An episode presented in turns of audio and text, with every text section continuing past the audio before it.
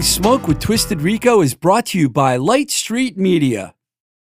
This podcast is supported by Joe's Albums. You know how much I love vinyl and go in the record stores. Well, my favorite stop these days is Joe's Albums. Joe has two fantastic locations the original store at 317 Main Street in Worcester, Massachusetts, and their newer stop out in the hipster college town of Northampton at 5 Market Street.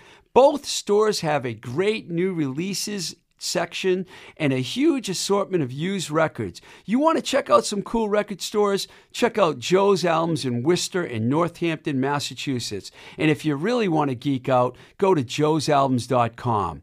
We're also supported by Baby Loves Tacos, the fantastic Mexican style cuisine joint located at 4508 Liberty Avenue in the Bloomfield section of Pittsburgh, Pennsylvania. Check out the Baby Loves Tacos website at babylovestacospgh.com. Baby Loves Tacos, where everybody eats. I am really excited to talk to you about my new sponsor, Studio Float. There are so many of us creatives and podcasters who need a quiet home studio. Or maybe you're in a band that needs a soundproof rehearsal space so you can create whenever the mood strikes. For most of us creatives, noise control is a big issue. Studio Float is the simple solution. Studio Float makes inexpensive, high performance, patented sound isolating products called ISO for use in new or retrofit applications. Studio Float ISO rafts completely isolate floors, walls, ceilings, creating a truly floating shell within a shell while preventing sound transfer to and from one space to an adjacent space. Visit studio-float.com for details and assistance with designing your project. Use the code Blowing Smoke 10 in the online order form and you'll get 10% off your order. Studio Float, life is loud, float above the noise. That's studio-float.com.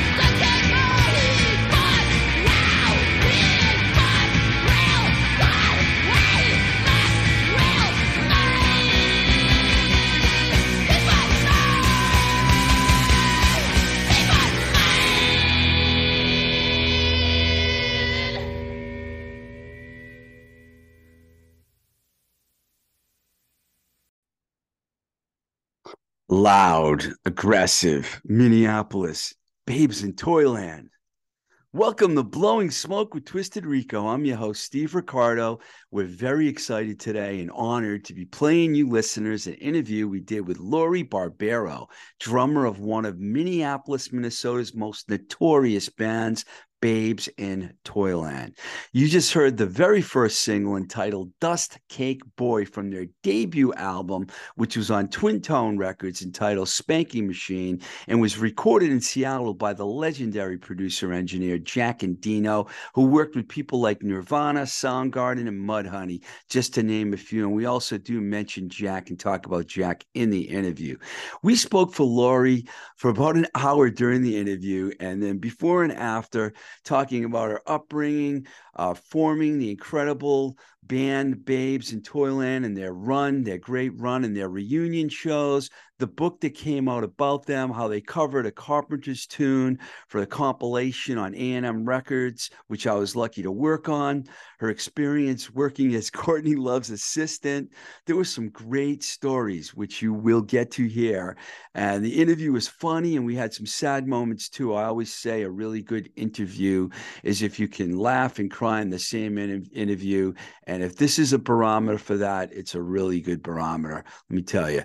Uh, Lori has been described as everyone's best friend. And I have to say, even though we only met one time back in the 90s and we talked for over an hour today, uh, I got I understand why people say that about her and why she's so loved and so many people admire her. She's not just a rock star, she's totally cool and she's a real music fan. All right, let's get to it. Uh, this is myself talking with Lori Barbero, drummer, Babes in Toyland and away we go. So, so Lori, let me get this straight. You oh, where did how come this went? Oh, there, got it. Can you hear me?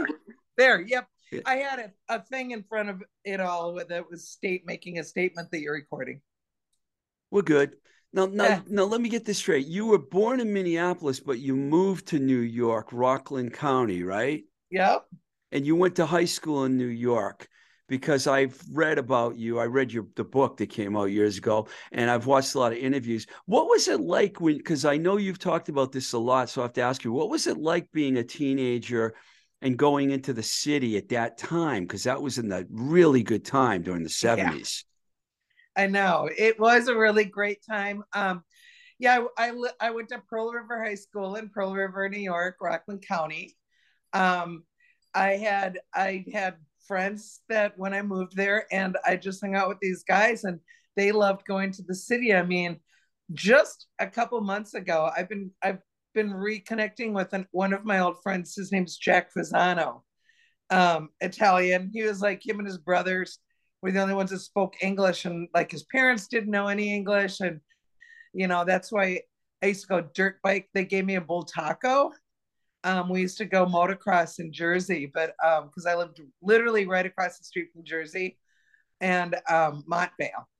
And uh, anyways, but I just sent him. We were messaging a couple months ago, and I said, "Did I go? Did I go to Queen with you?"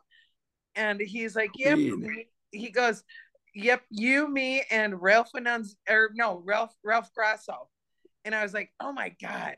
I can't believe that he remembered. And uh, and I he said, and I think Donnie McIntyre, but um, because I still have my Queen. I saw him at Madison Square Garden, and uh, I still have my T-shirt and my ticket stub. You didn't and go to the tour that Thin Lizzy opened, did you? Because I went to that tour.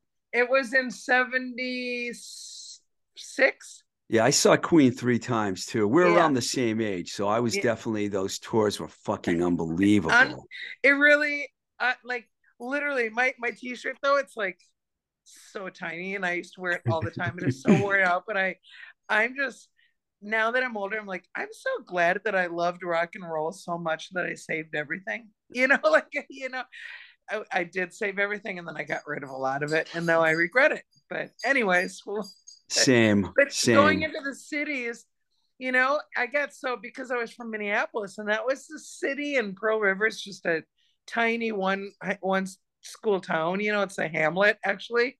Um, uh, I had to go into the cities because I was just I had to. So I'd I'd go in by myself. I would just t- jump the train and get on and go by myself all the time when I was like 16, 17, 8, you know. So old. you were you were right there during the whole CBGB kind mm-hmm. of era because I did read also that you used to hang out with Alan Vega and Johnny Thunders. Yep.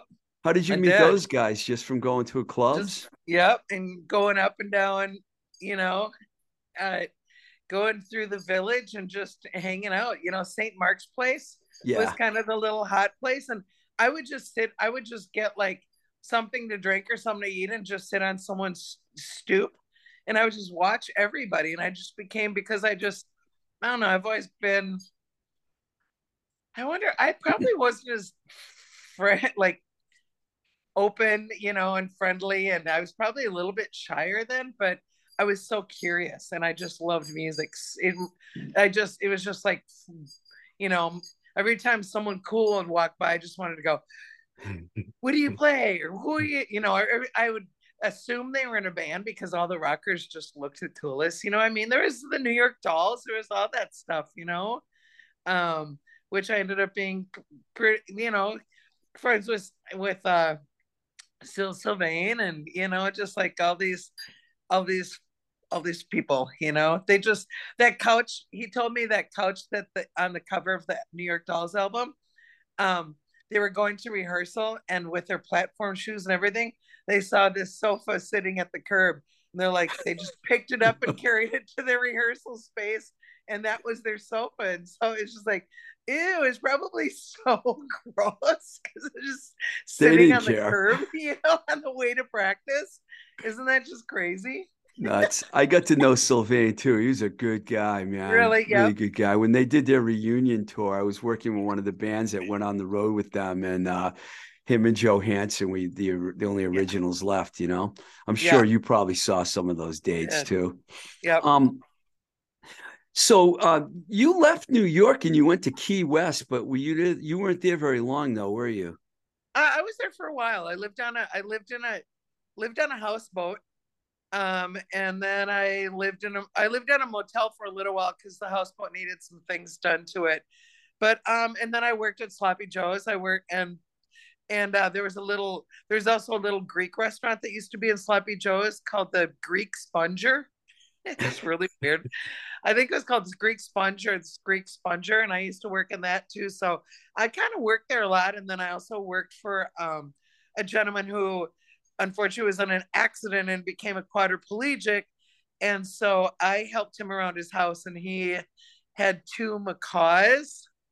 And so I'd like clean and stuff. One of the macaws was pretty aggressive, and the other one really liked me and sometimes I'd take him to Sloppy Joe's with me. What and um, you know, I'd walk down the street. You know, I'd walk, I'd walk all around Key West, and people would go, "Oh, can your can your bird talk?" And I'm like, "Well, his name, um, his name, his name was Smackles." I'm like, "His name's Smackles."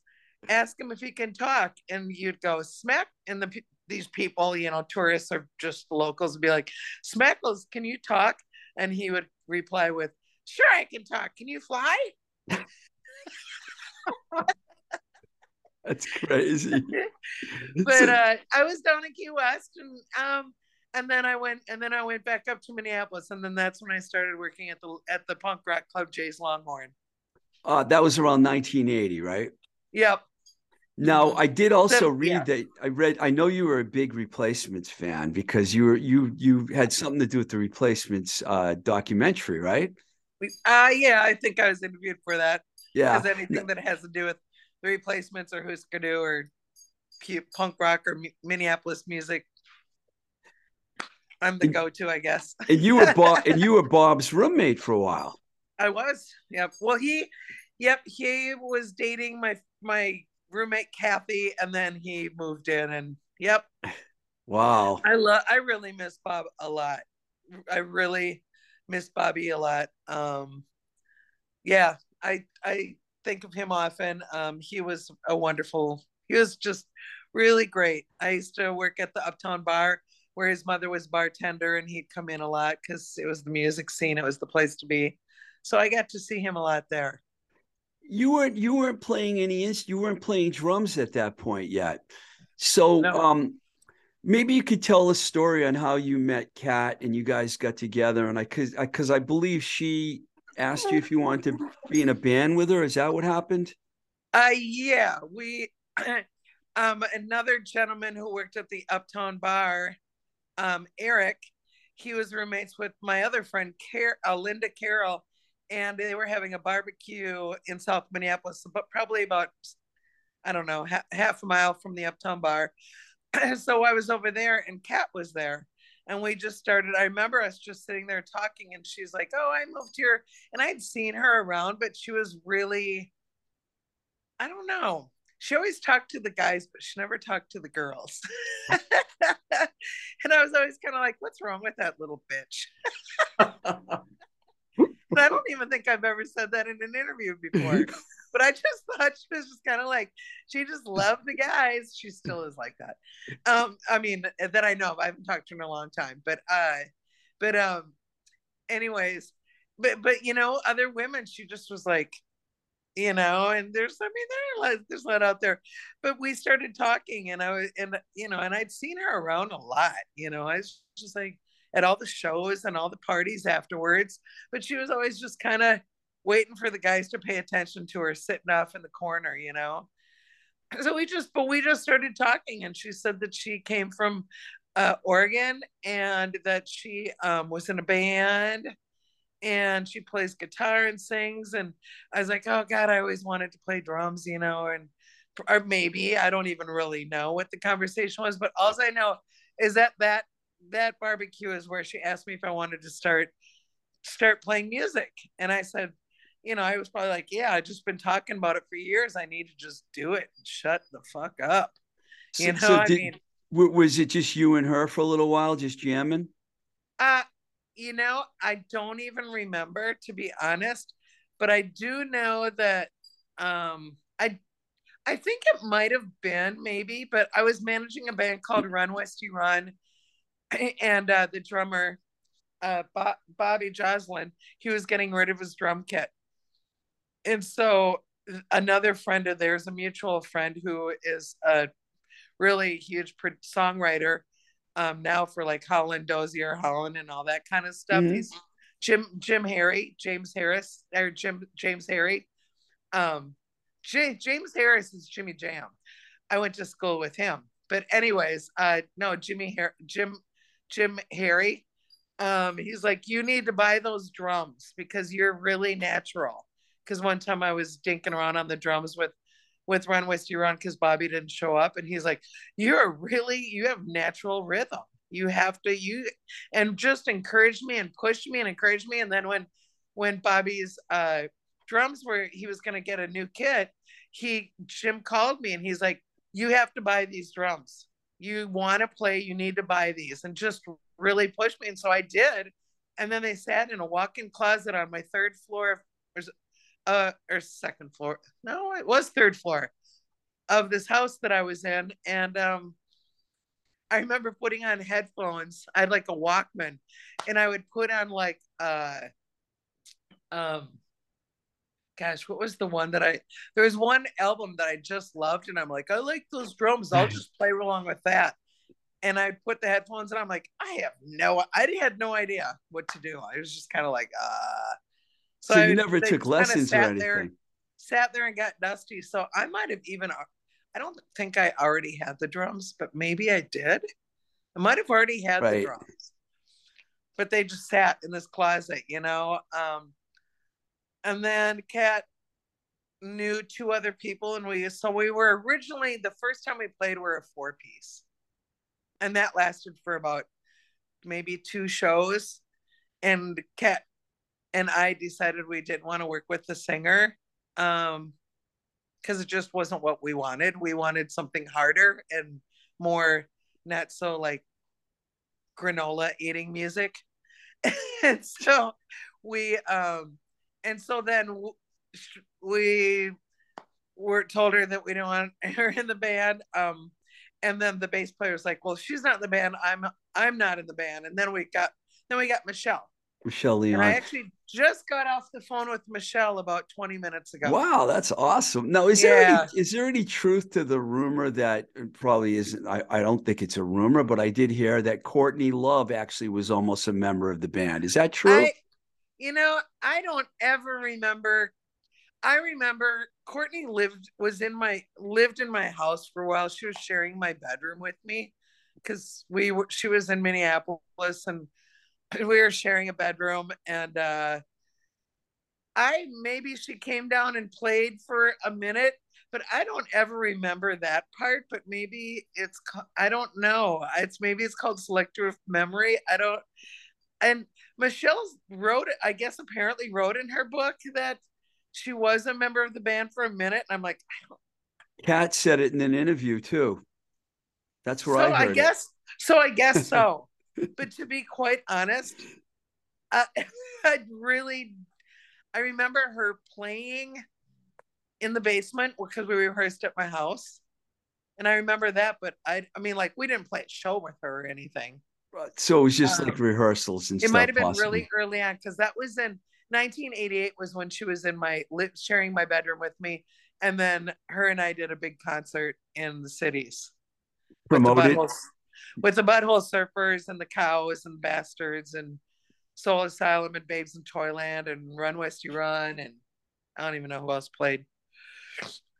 And that um, was in that was in 1988. So that's when that probably would have happened. But um, and apparently the story is is that I was dancing at First Avenue and Courtney and Kat were there together and they put a bet. They bet each other who would get me to be in their band because they were both going to start a band because they liked the way I dance and they thought I was really cool. You know, the Courtney's told me the story and so has Kat, but Courtney does a lot. She has told me the story a few times. Like, yeah, Courtney, I've heard the story, but um, I'm gonna get her in my my band. She's cool. She's got rhythm, you know, whatever. So yeah. I guess so. I guess in that story, Kat won. so, but um, yeah, and so um, but yeah. And and you guys ended up um, you know, on the on the the very great Minneapolis label for the Spanking Machine record, Twin Tone. Um, whose idea was it to um work with Jack Endino. I haven't heard anyone ask you that in an interview, and I'm curious about that because I love Jack's work. how did you how did you come up with that? Um, probably myself because I liked all the bands that he worked with. I was friends with. I got to be pretty good friends with Skinyard. Oh yeah. Um. Yeah, I really, really loved those guys, and so I think it was probably from that. Um, I would, you know, they used to come to the cities and then they'd stay with me, and and I just became friends with them. So I think probably from that, you know, something. Um, and everyone that he had worked with, you know, in Seattle. I was, I really was a music fanatic before Babes even started. Uh, you know, I had, I had a record label. Um, I, I booked tours for the bands. Um, I managed uh, Run Westy Run, uh, which was a band that Pete Buck ended up yeah producing one of their records, and they're still they just played Friday night in the cities. I live two hours southeast of Minneapolis now. Oh, you do? Oh, I thought you were in Texas. No, nope. I was. I came back from Texas about. Uh, I was in Austin for I believe nine years, uh, eight or eight or nine, eight year, eight years. And now I've been back. I think eight years. You, you missed the cold weather. I I'm not going to be here next winter. As far I'll be traveling. I'm going to have a a place here, but I'm not. Um, I live in a really, I live in a town of 200 people. Wow. So I moved into a bank building um, in a tiny town that's just south of Winona. It's by La Crosse. And um, Butch Vig is from like an hour away from here, from, nice. from a little town called Viroqua, Wisconsin. Um, talk about producers and engineers and stuff. But uh, and then sweet spot spot who just i love i miss yeah. I love spot glenn i'm so sad it's been a it's been a hard hard weekend with the lust with the lust side of things but uh he was in sheboygan which is by um madison So, right. so you were you're really close to the Wisconsin border then. Yep, I'm actually even closer to Iowa than really. Wisconsin. Wow. Yeah, I'm about 30 minutes from Decorah and I'm about 40 minutes from La Crosse. How does a scenester like you end up in an area like that? um, Michelle, the Michelle Leon from Babes, uh, and a good friend of mine, she was living in St. Paul and her husband and son, she sent me this text that said, look what, look what we bought. It's going to be our little weekend getaway. And it was really cute. And it was like, uh, September or August, August of 19 or August of 2020. And then and then about 7 weeks later, she sends me a link that says, "Oh my gosh, look at this cute bank that's for sale and it's not far from where we where we just bought a place." Steve and I cuz she's a she's kind of a um they she had a triplex in New Orleans and a house in St. Paul, and she just she used to be in realty, and she's mm-hmm. just kind of a, a, a searching addict for like really cool places and all these things. And uh, showed me this link. She was like, "Steve and I want to buy this after New, Year's if because it's so cute. Maybe Airbnb it or something." Um, after our taxes are done, unless you want to buy it and have, have a place down here. I freaked out about it. And so I'm like, give me your realtor's contact. I reached out to him. I came down here three days later. I put an offer on it and we went back and forth for a day. And then the offer was accepted. And I thought it was going to be my little getaway. And then I came down here and I really, to be honest, I never really went back to Minneapolis except to wow. start bringing some stuff down here slowly but surely. But it's, it's really great. I live in a I live in a bank. It's an old bank, so there's oh nice. Yeah, it's uh, for people that are watching. It's mostly going to be listeners, but we'll put oh, it on okay. YouTube. We'll put oh, it on sorry. YouTube. Um, if I could just go back to 1990 for a minute. Oh yeah. Uh, so after you recorded in Seattle and then Twin Tone released the record, did you feel like there was a buzz happening right away for the band? Because I know it wasn't that long after that Warner's came along. Uh, yes, and that's what I'm guessing. uh, we well, we were out in New York and we were playing, I believe, with the the Melvins or White Zombie at the Pyramid, and the way pyramid. that that yeah, I loved the Pyramid. Yeah, I there a lot. I spent a lot of time in New York. Uh, and you know, well, I, in high school and then afterwards too. I just loved going back there.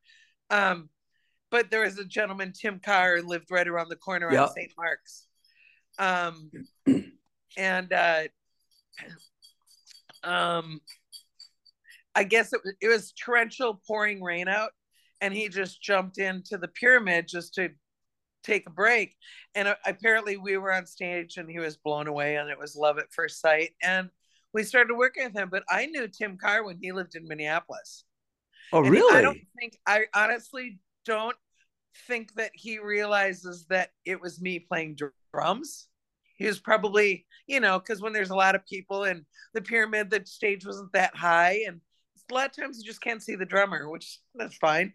But uh, I don't really think that he realizes. I don't really know, but um, and anyways, I knew him from you know the Longhorn in Minneapolis, and him doing thing like he did this big concert with Devo called M80 um, at the University of Minnesota. Uh, shit, like I think it was called the Shed, the Shed House or something. It's like maybe an athletic building or some kind of building. Um, but anyways, so I knew him, but so then that's when he tried to get when he started approaching us. So when we were meeting on St. Mark's Place, I was sitting on these steps on the steps where we were supposed to meet him outside uh, the the Jaffa Remember the Yaffa Cafe on St. Mark's? It was like a, you walk down the steps to go to it right on St. Mark's, and it was like a yes, I do. I lived on 10th Street in between First and Second, so I was right. I do remember. Okay. Yeah, it was. I right thought you were. I was thinking of Veselka at first for some reason. That place, Veselka. Do you remember that place? It was like a uh, Polish. I got the two confused. What was it called? I, Veselka. V E S E L K A. I I lived there in 87, 88. So it was a little later than when you were there. Okay.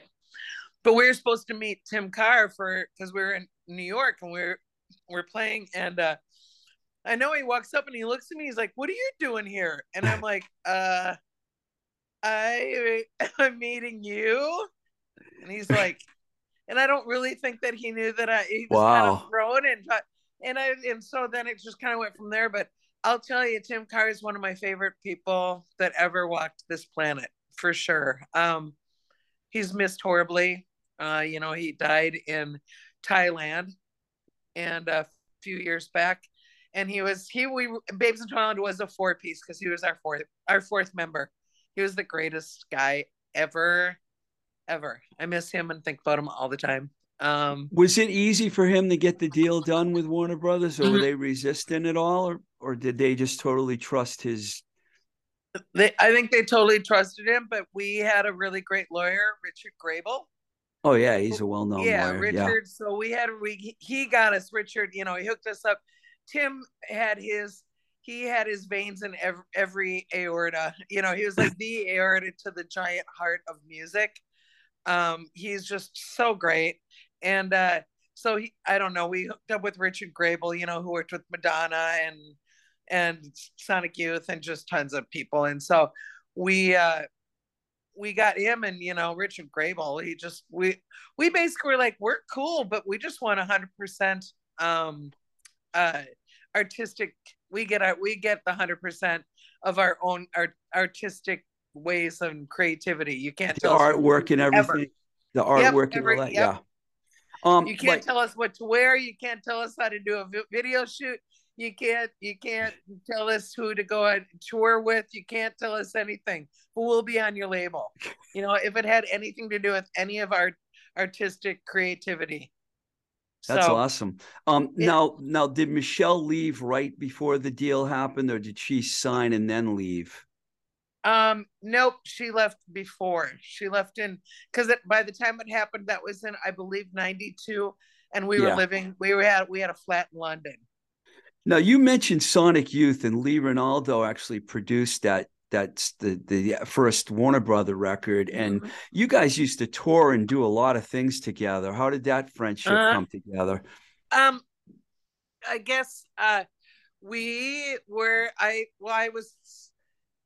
Uh, I think Thurston was the first really big fan, Right. and he. I remember him writing in an article that we were the the grandmothers of grunge, or the godmothers. But look, I'm just going to show you what I, I have. This in my. Uh, oh wow, that's cool. yeah, that was our. That was. uh That was in. Oh, January, September twenty first. Uh, It was a Sonic? Youth Babes in Toyland poster for you people Yep. listening. yeah, it was in 1990. So, Oh, so it you guys had started playing with them be, way before you even got close to your deal with Warner Brothers. yeah, yep, that was our first time to Europe, and that with the Raymond Pettibon poster. Um, so how, how did Lee come to like work with you guys? Uh, I well, I, I guess that was you know that was after. I mean, we already had known him and stuff, and I think he just wanted to work with us, and so we went. We were at Pachyderm, and because that's in Cannon Falls, it's not too. It's between Cannon Falls is I guess a little bit more closer to Minneapolis than here, but every time I go to Minneapolis, I go right past Cannon Falls. So we were there and recorded, and then um but uh yeah we were in london and we were we had a flat in london in 92 like when we did when we did like uh reading festival in 91 and stuff we were you guys really started blowing up then because then you ended up getting on Lollapalooza and that was a really big break for you guys because you got to play Mm-hmm. Yeah. in front of all those people. What are your Yeah. recollection of that whole period? oh gosh um my highlights of my life uh all of them are great and i remember probably 90% of them but my two greatest highlights was uh going to Europe with Sonic Youth, going to Europe for the first time and it was with Sonic Youth. Um and I will forever be grateful to all of them and it was just the greatest. It just was just so great. I mean, it was just beautiful and wonderful and you know, it's just like, oh my gosh, we're going to Europe with Sonic Youth. You know, I mean, I was it just was crazy. We'd only been playing at that point for like two little over two years, you know, and it's like, oh my gosh, oh but um and then uh and then Lollapalooza. I mean, you know, that's that's like that's the the hugest party parade of all time on wheels, you know. Yeah. And uh I mean, it just it was you know, became so close with, you know, those guys in Alice in Chains, especially lane And we already knew uh, Dinosaur Jr., but got to know Arrested Development. I mean, there were so many really great.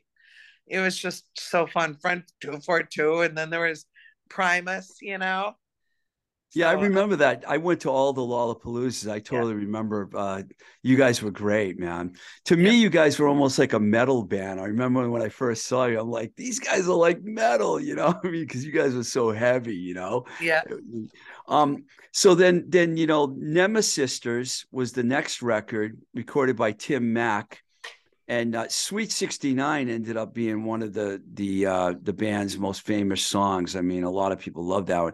Unfortunately, that record I remember did not get great reviews. Why do you think people didn't like that record as much as the previous record? Because I can't can't figure that out when I because I went back and read some reviews and I was like, what? I was Oh, I surprised you know by what? that. um I didn't know that and I and I guess I don't I never really cared, but um I mean, I never read reviews. I've never even listened to a Babes album. Um I don't I don't know anything about anything and that's fine because in my world my little world of of Babes in Toyland and myself, I was always just like, you know what? As long as I'm having fun, I'm in. And I don't, I just am like, oh well, if you don't like it, too bad. I don't really care. I like good it, attitude. and I'm having a, I'm having the time of my life, and whatever. It never, I just never read. I just never read any reviews. The only time I ever did, um, I think Marcus Greel wrote up something in the New York Times, and I read it to my dad because we lived in New York, and my and it that was when I think my dad re- finally realized that that I wasn't just in a a punk girl band, you know, and I re- like we really were, you know, it's like I had to prove ourselves or something because I always wanted my dad's approval. I remember that from the Neal Karlen book. There was a Mhm. lot about the relationship that you had. I had a copy of that book, and somebody I lent it to someone, and I don't know, I never got it back. And now I, I I went to look for a copy, and I saw one for ninety eight dollars. I'm like, what? 90 Really? Yes. Oh my gosh. I gotta get I gotta get mine back. I lent mine to someone, but they're just in the next town and I know where they live. Yeah, well, I don't I don't know where mine is. Did you like the way that Neal portrayed the band and everything in the book? I've never read that either. You never read the book either. I knew you were going to no, say I'm that. I'm just I've never read anything that has to do with babes. I and I've never read Michelle's book and I hear great, great stuff about it. Maybe someday I will, but I just I'm super weird. I've never I've never listened to our albums. I've never read anything about us. I am the most removed person that's so involved the big the biggest involvement in a band and I'm just I don't know what that's called. But Well, one time I did uh, one time I I was ta- one time I was talking to my friend Johnny Depp, um, but he you know he's never watched any of his movies. Really? Yeah, that's what he's I love me. Johnny Depp. Yeah, I love him. And that's what he told me, and I so I just felt kind of like, hey, you know, we kind of have something in common because I've you know. How did you guys watched- become friends? Uh oh, through I think through Gibby. Yeah, when when uh Butthole When- surfers? yeah, yep, through Gibby. So Gibby and Johnny were really good friends, and I used to spend a lot of time down in Austin, Texas, and I was friends Mhm. with Gibby. And one time uh, when we were down there, we were on tour with Faith No More. Um, Johnny and Gibby were. Johnny was in town. I think he was filming maybe Gilbert Grape.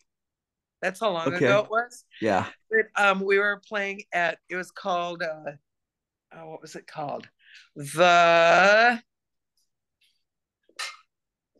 The Li- Liberty Lunch is the only club I can think of right now. From nope, nope. And now it was, I can't think of what it was called right now. I used to know what it was called just recently because I was thinking about it. And then Willie Nelson bought it and made it his studio.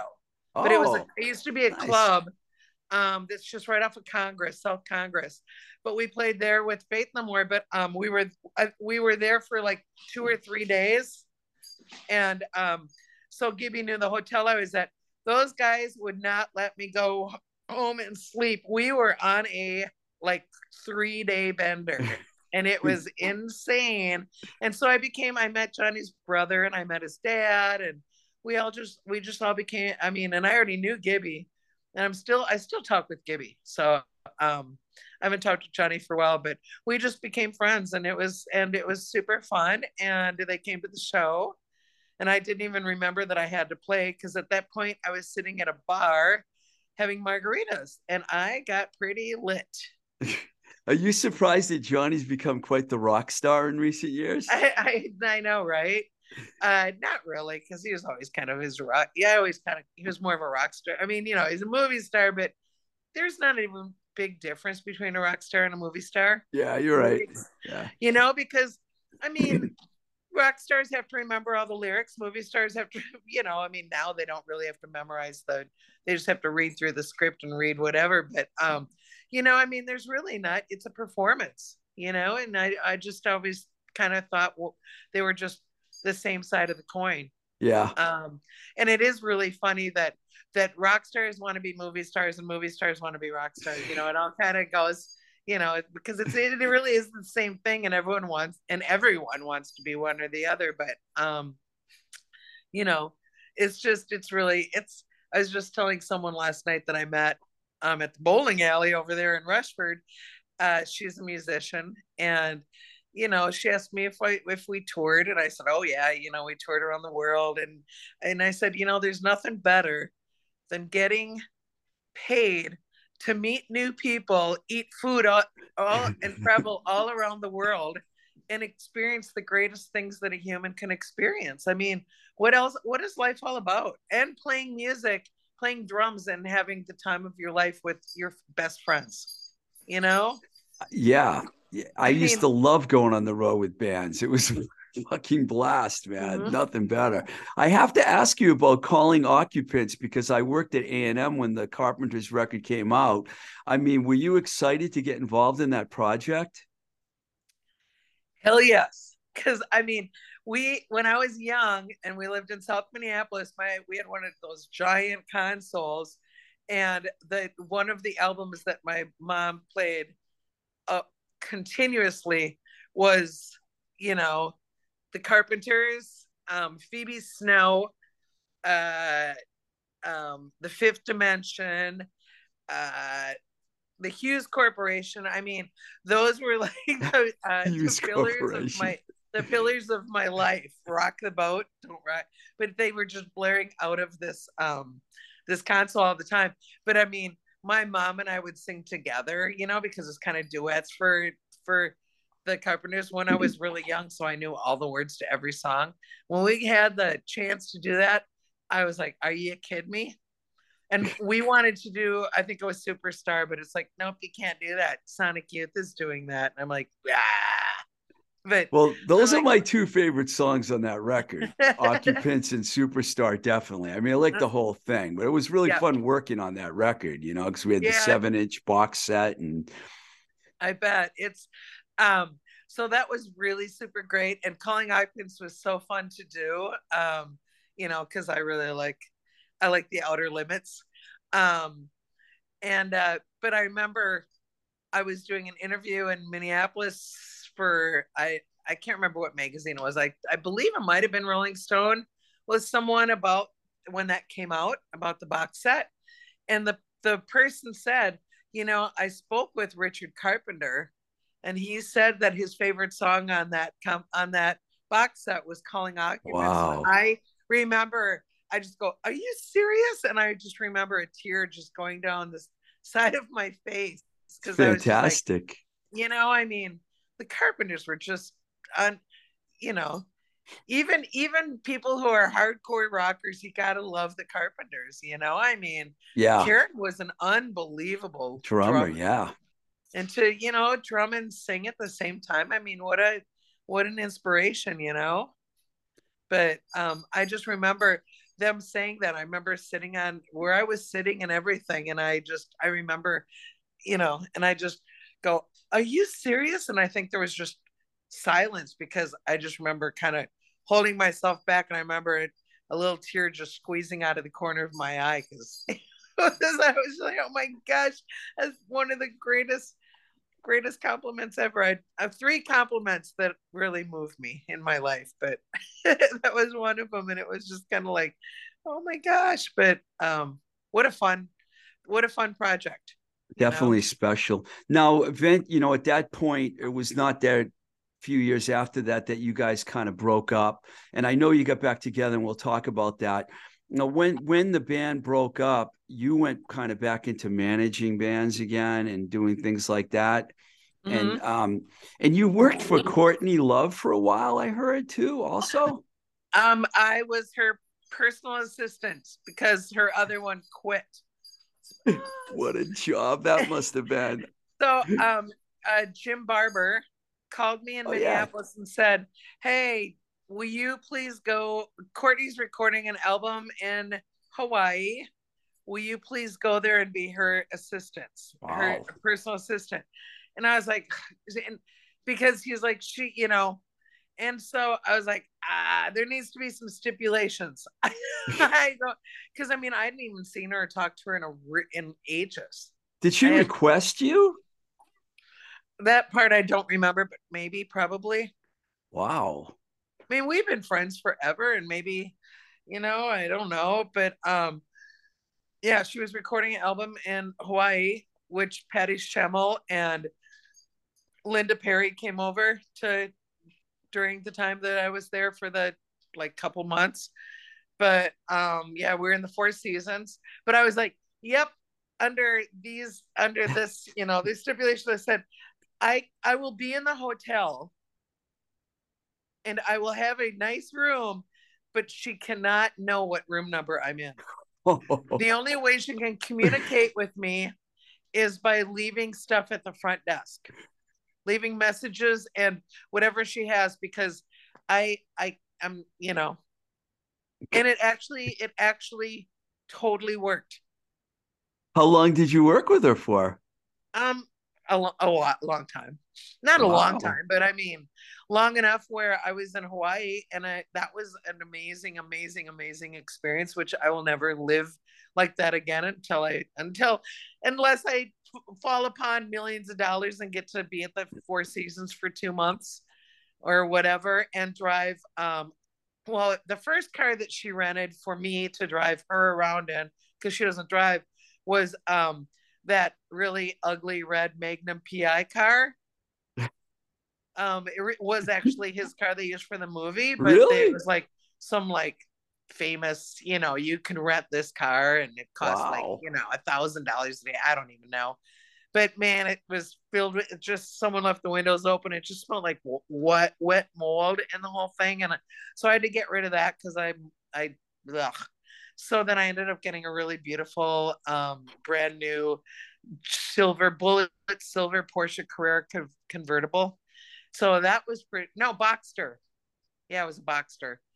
Um, so that was really fun. So I lived high on the hog, and that I did. And. I, and she s- sent um, lobster t- to my room every night for dinner. So it was it was pretty nice, and there was a pool down there, you know, and every time I she'd tell me to go find her something like at at some you know buy yourself something too and I just never really did. I didn't take advantage of it. I should have but but um and then we ended up going to London to do that show at the Vic with Kevin Spacey and Elton John and I was with her when she wow. got arrested for air rage. Do you remember that on Ah yeah. Yeah, on Virgin Airlines. Yeah, there was a, a, a you know you were there for that yeah that was if you see all the photos of someone with uh, something covering their face or hiding or looking down that's me. Because i didn't want to i don't want to wow. So sorry I was, that you had yeah, to experience that. Yeah so i had to t- deal with all of that because she had to do this concert and she was getting all of this couture man- sent to her from like every designer to our hotel there. So I had boxes and boxes and boxes of all these, you know, dresses that were worth like sixty thousand dollars in jewelry, like and all of this stuff that I had to deal with, and and try to get her out of jail and deal with all of these things oh. I had to deal with to get her to the old Vic and you know talking on my flip phone because it was back it was 2000 2002 or 2002 and 2003 was when I was doing this but um but uh talking on the flip phone with Elton, Sir Elton John I don't even know if he was a sir then but he called me and he said and because he must have got my numbers you know because I was her assistant after she got thrown in jail. And he's like, This is Elton John. I'm like, Hi. and he's like, I'm in Berlin right now, but I will be back tomorrow. And if there's anything that, if you need any help, I'm here for you. And blah, blah, blah, blah, blah. And I was just like, okay, oh thanks, oh my God. Thanks, Mr. John. you know? And so it was just, because because Kevin Spacey and Elton John were putting it together because it's the oldest theater in London, and they were raising. It was a fundraiser to to bring it back up to so it could be functional again, and so it was a, it was a great concert, you know.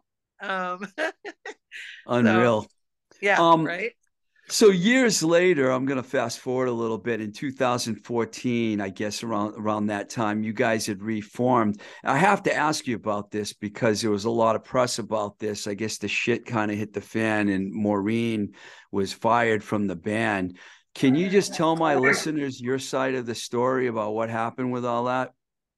Um. Well, long story short, uh, it it just was when we did weren't together and then we were together again. Um you know we maureen was was in la and we started flying there because she had a daughter. So i went from austin texas to la kat went from minneapolis to la and we'd stay in this motel that i mean seriously but I had to check for bed bugs, like, uh, and then we'd be there for about two weeks rehearsing or a week or whatever, like every month until we could play again. Because Maureen lit, had rented an apartment and her place was really nice, her little place. But so we just, it was convenient for us to be there. So we, we were there and it was, you know, it was going okay, but it just started, it was just a little kooky. And, you know, I mean, the, the real part of the story is that Kat's like, Maureen I, we can't I can't put Maureen isn't doing well. And but then Kat like would throw me under the bus and then stayed and then already had found a bass player. When we when she went back to Minneapolis apparently she had found another bass player to replace Maureen which I was not aware of because Kat does a lot of things without telling people. And this young lady ended up being a girlfriend of a guy that used to come on. He came on tour with us once, I think, and sold our merch. Anyways, and she's a really great musician.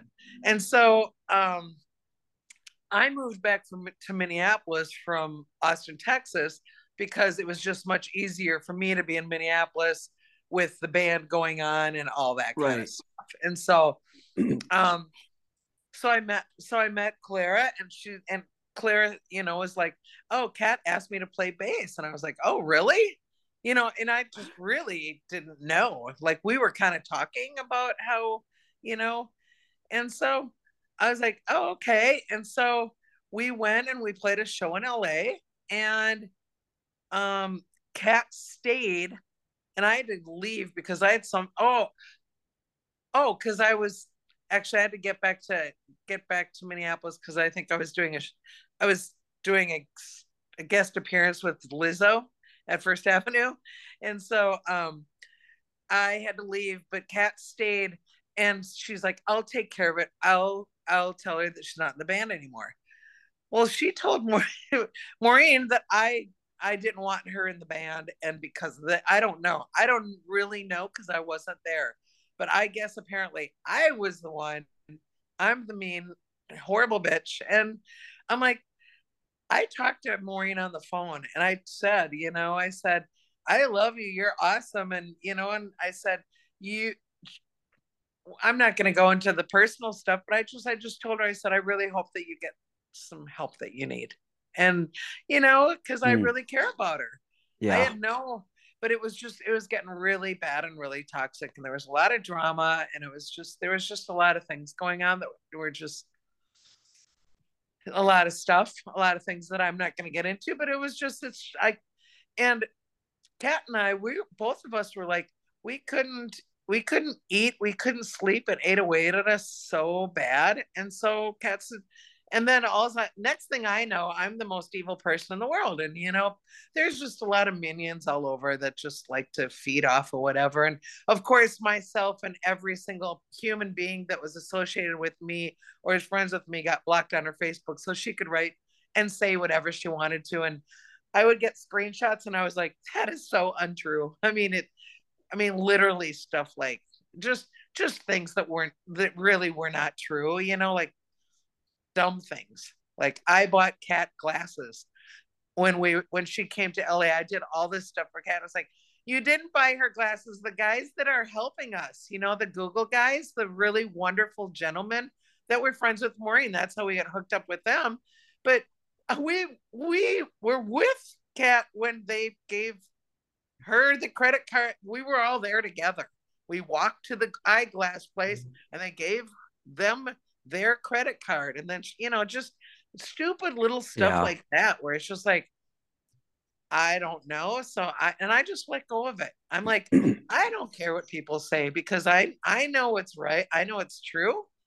And I know what happened and I know what was going on behind the scenes. Yeah. So everyone I'm sure can, you do. You know, everyone can I I don't I really honestly don't care. And you know, helped me with not giving a flying fuck was Buzz from the Melvins. He's like, you know what? No one will care. They're like, because I was like, I don't, you know, I don't want to make everything look terrible. This that, you know, because I just, I don't know, I don't like hurting people's feelings, you know. I but it just wasn't working out, and I and from day one, when Babe started, I was sitting up against this liquor store that I used to live behind in Minneapolis.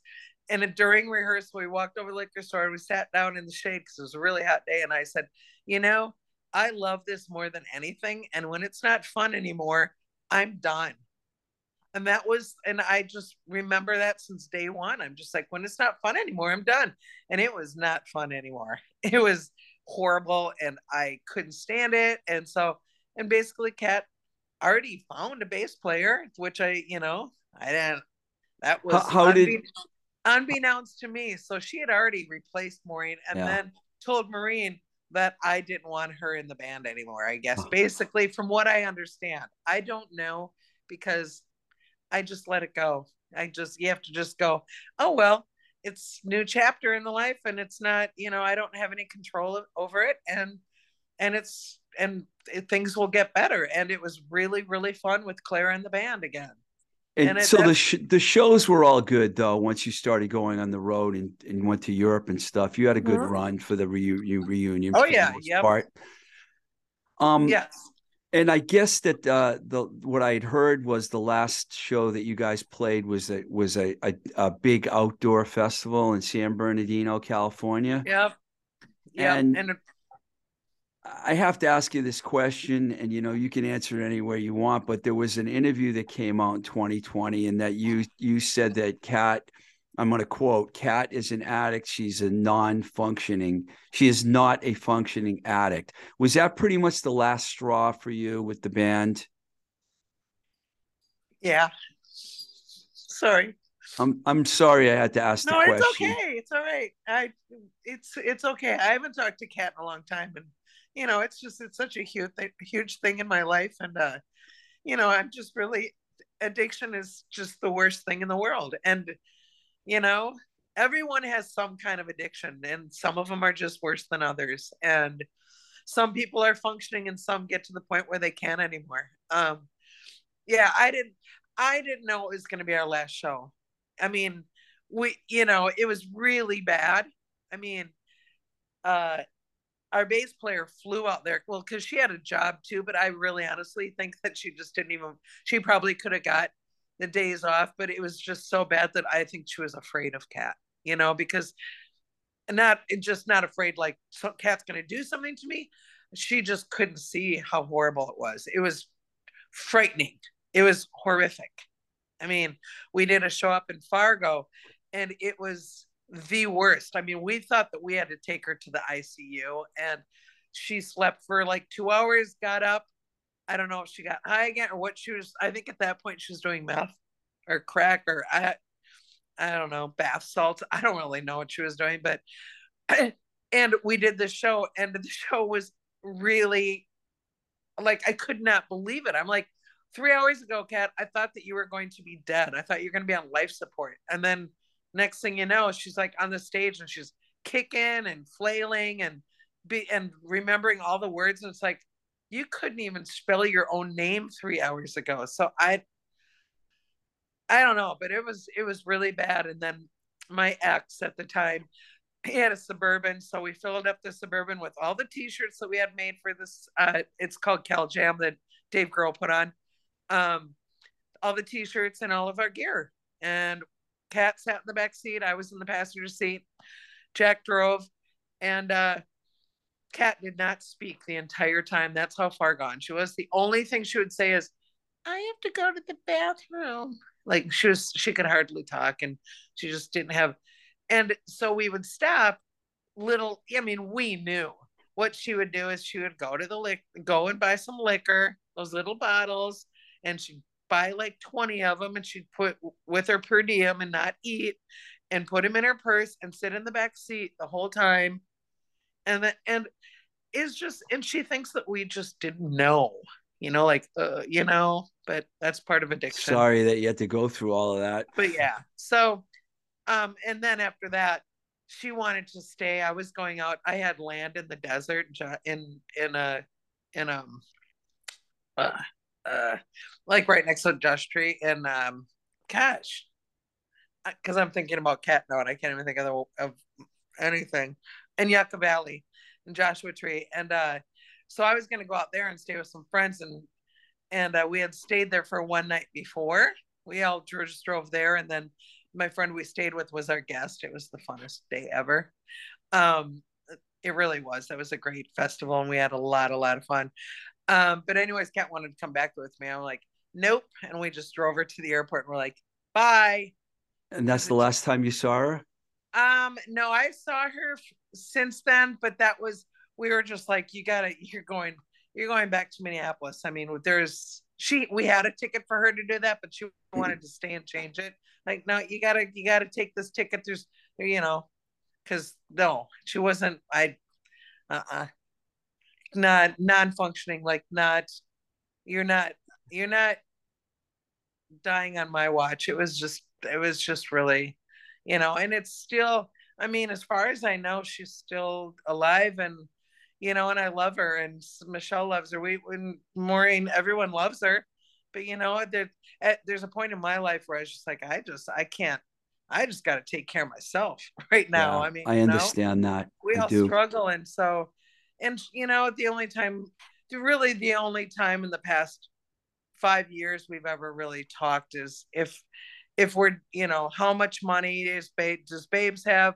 And can you drive me here or do you have that or can i get this? There's never nothing you know it's just it's at it's at that point. So i just if i i can't get anything really out of it besides hanging out with you and getting so sad because it's horrific i just i can't do it anymore so um i was talking with her on the phone but no i haven't talked to her in probably probably about seven eight months it's the longest really long this really long time but she's she that's her choice there's nothing that yeah. nothing that anybody can do at all whatsoever but her and so she's her choice is to be with this one person with this guy and they just that's what they choose. So it's sad and i love her and i i i've always wished the best for her but you know that's what she'd rather do over being with her best friend in the world making music I'm changing the subject. Um, Okay. uh, you know, I know you're a big music fan, and you. I was going to ask you if we you listen to. I actually had a band from Minneapolis on my show not too long ago called Scrunchies. I really like them. oh They're yeah like yeah the scrunchies yeah. excellent band. So I was going to ask you if there's any new music that you've been listening to that you like these days that you would recommend, because I know you're a huge music fan. um you know, to be honest, now that I'm living in the middle of nowhere and I've been here for almost three years, I have missed so much. I mean, you know, and uh, I really hardly know and about any of the Minneapolis bands at all. I know the Scrunchies and I love them. Um, you know, I I've gone and I've seen a few shows since COVID started, and it's been Skating Polly and Fea. Uh, you know, Skating Polly also. Yeah, yeah. Took them on tour with us. They're they're uh, they're a family. They're it's a brother and two sisters. Um, it used to just be the two sisters, and then Curtis. They had Curtis join in, and they're just really, really great. So we took them on tour in Europe, and and some shows, and then we took. uh They're not a band anymore, um, but uh Kitten Forever. Oh yeah, yeah, another band. Minneapolis yeah. band, yeah. And Laura's in the Scrunchies, yeah. right? Yes. Yeah, she's great. Um, and so them, and then there was Bruised Violet, which was named after Babes in Toyland. Yes. And that's the drummer in the Scrunchies. So, um, and then Fea is a really, really awesome Mexican, a female. They're um, in, in San Antonio, Mexican ladies. They sing in Spanish, and they're uh, they're great. They are so so so great, and they're on um they're on Blackheart Records. Joan Jett's label. Yep. Yeah and so um and i produced a few songs for them and i just think that they're they're a punk rock really good band out of san antonio so check them out um fea and they uh i guess in spanish it means it means ugly so cool do you listen think, to like records or do you like do streaming or do you you listen to a lot of music still I do. Um, I have a 19, 1992 CD, 101 CD uh, carousel rotator thing. So when I wake up in the morning, I the first thing I do is it fill um, it up. I, I turn it on and I put it on random, and I have there's still some more CDs that I want um because I really never ever listened to CDs in my life. I just had a lot. I had right. tons of them.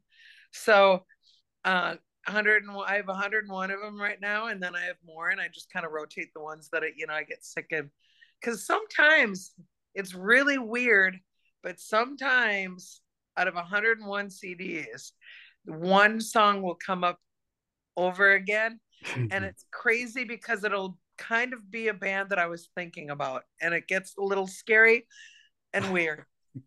And I'm not even kidding. I'll be on the phone sometimes and we'll talk about somebody and then all of a sudden the song like the guy the person the man or woman in the band will say something talk about music and then all of a sudden I'm like I'll turn it up I'll be like listen and it'll come on right when we're talking about it. And it's it's pretty weird. It happens more times than you can imagine. But so that's my music right now. Um there's a good radio station in Winona which I'm not too far from but I can't receive it I could probably stream on, you know, stream, stream it. Um, but I don't have a computer. I just have my phone. But I could probably still do it that way. But I'm, I'm not a big tech person. I'm a weirdo. You you were able to come on a Zoom interview. That was good. I can do that. I learned how to do that over oh, because only because of COVID. But yeah, I figured I figured that one out, and I think it's a I think it's really cool it's really super cool. My dad, my father, um, he was a computer, he was the pioneer computer programmer.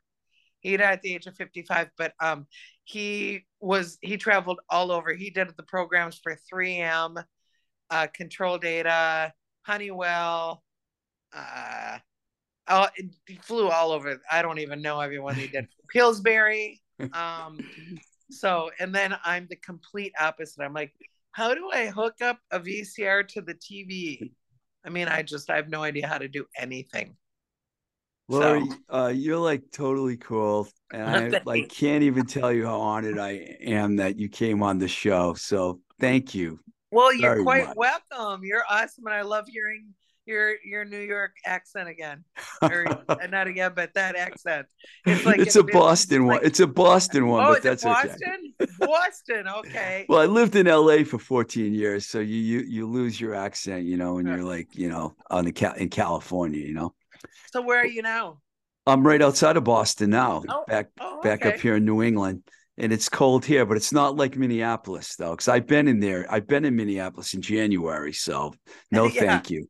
No, I'm thank surprised you. no one wrote a song Minneapolis in January because it's hell.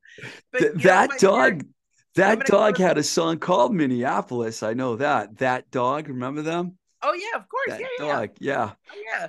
Yep. Um, I am going to close with the re- here's my theory. The reason why there's so much good music that comes out of Minneapolis is because it's so fucking cold all the time that you have nothing else to do but sit in your house and write songs because you have to let out let something out because if you don't, you're gonna freaking jump off a snow mound into a, a head first into an anchor because it's just horrible and miserable. So that's I think that you don't really have a choice but be a a good artist somehow. I mean, there's very many great artists also. I mean, like Payne, you know, just of all kinds of formats and I've always loved Minneapolis, the whole scene there That's and great. everything. Great bands and the whole with you guys and everyone. You know, Husker Du, replacements. Uh-huh. I mean, really good.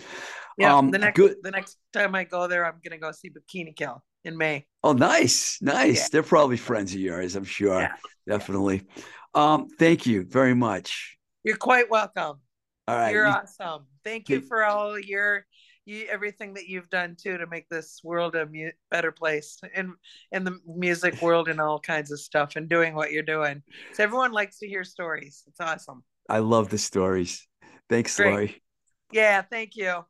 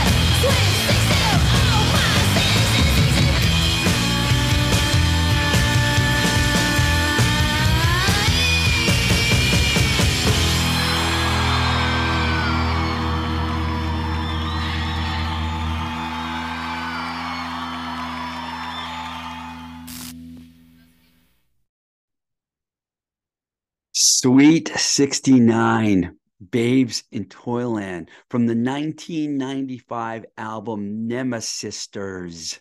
Great album, great album title. Um, wow, I can't tell you how cool it was to talk to Lori Barbero, but I have been telling you that, so I'm going to keep telling you. Um, just really appreciated her candidness, uh, her honesty, the way she answered some of those questions. They weren't easy questions. You know, controversy surrounds the rock stars and is unavoidable, and Babes in Toyland is certainly no exception. So we had to touch on some of those things, and I'm glad we did. And I spoke to Lori afterwards, and she was totally cool with everything. So, um, thank you, Lori, so much for coming on the show. And thank you to Shayna for uh, setting it all up for us. And I just want to remind you that we have a Patreon account if you want to support the show. It's patreon.com forward slash twisted rico. You can also reach me anytime by email at twistedrico at gmail.com. And we are also on all social media platforms. I urge you to check out our YouTube page where you can actually watch the Zoom interview that we just did with Lori Barbero. It was definitely worth watching. So I highly recommend listen to it and then go watch it. Or you know watch it and then listen to it. Um thank you for listening. And let me remind you that if you go to studio-float.com and use the code blowing smoke 10 in the online form you'll get a 10% discount on your order. That's right a 10% discount on your order. So thank you. Thank you for listening and thank you for checking that out. Uh, until the next time we say goodbye, this is Blowing Smoke with Twisted Rico. I'm your host, Steve Ricardo. Keep the rock and roll alive. Blowing Smoke with Twisted Rico is brought to you by Light Street Media.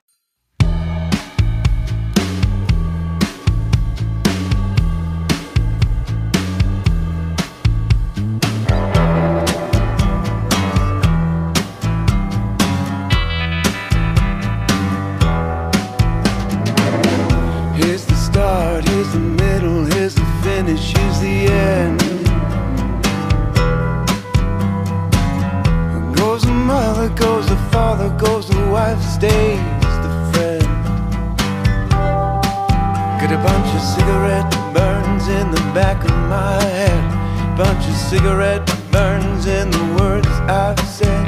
If I die tonight, hold the hand inside and know that I was never meant for no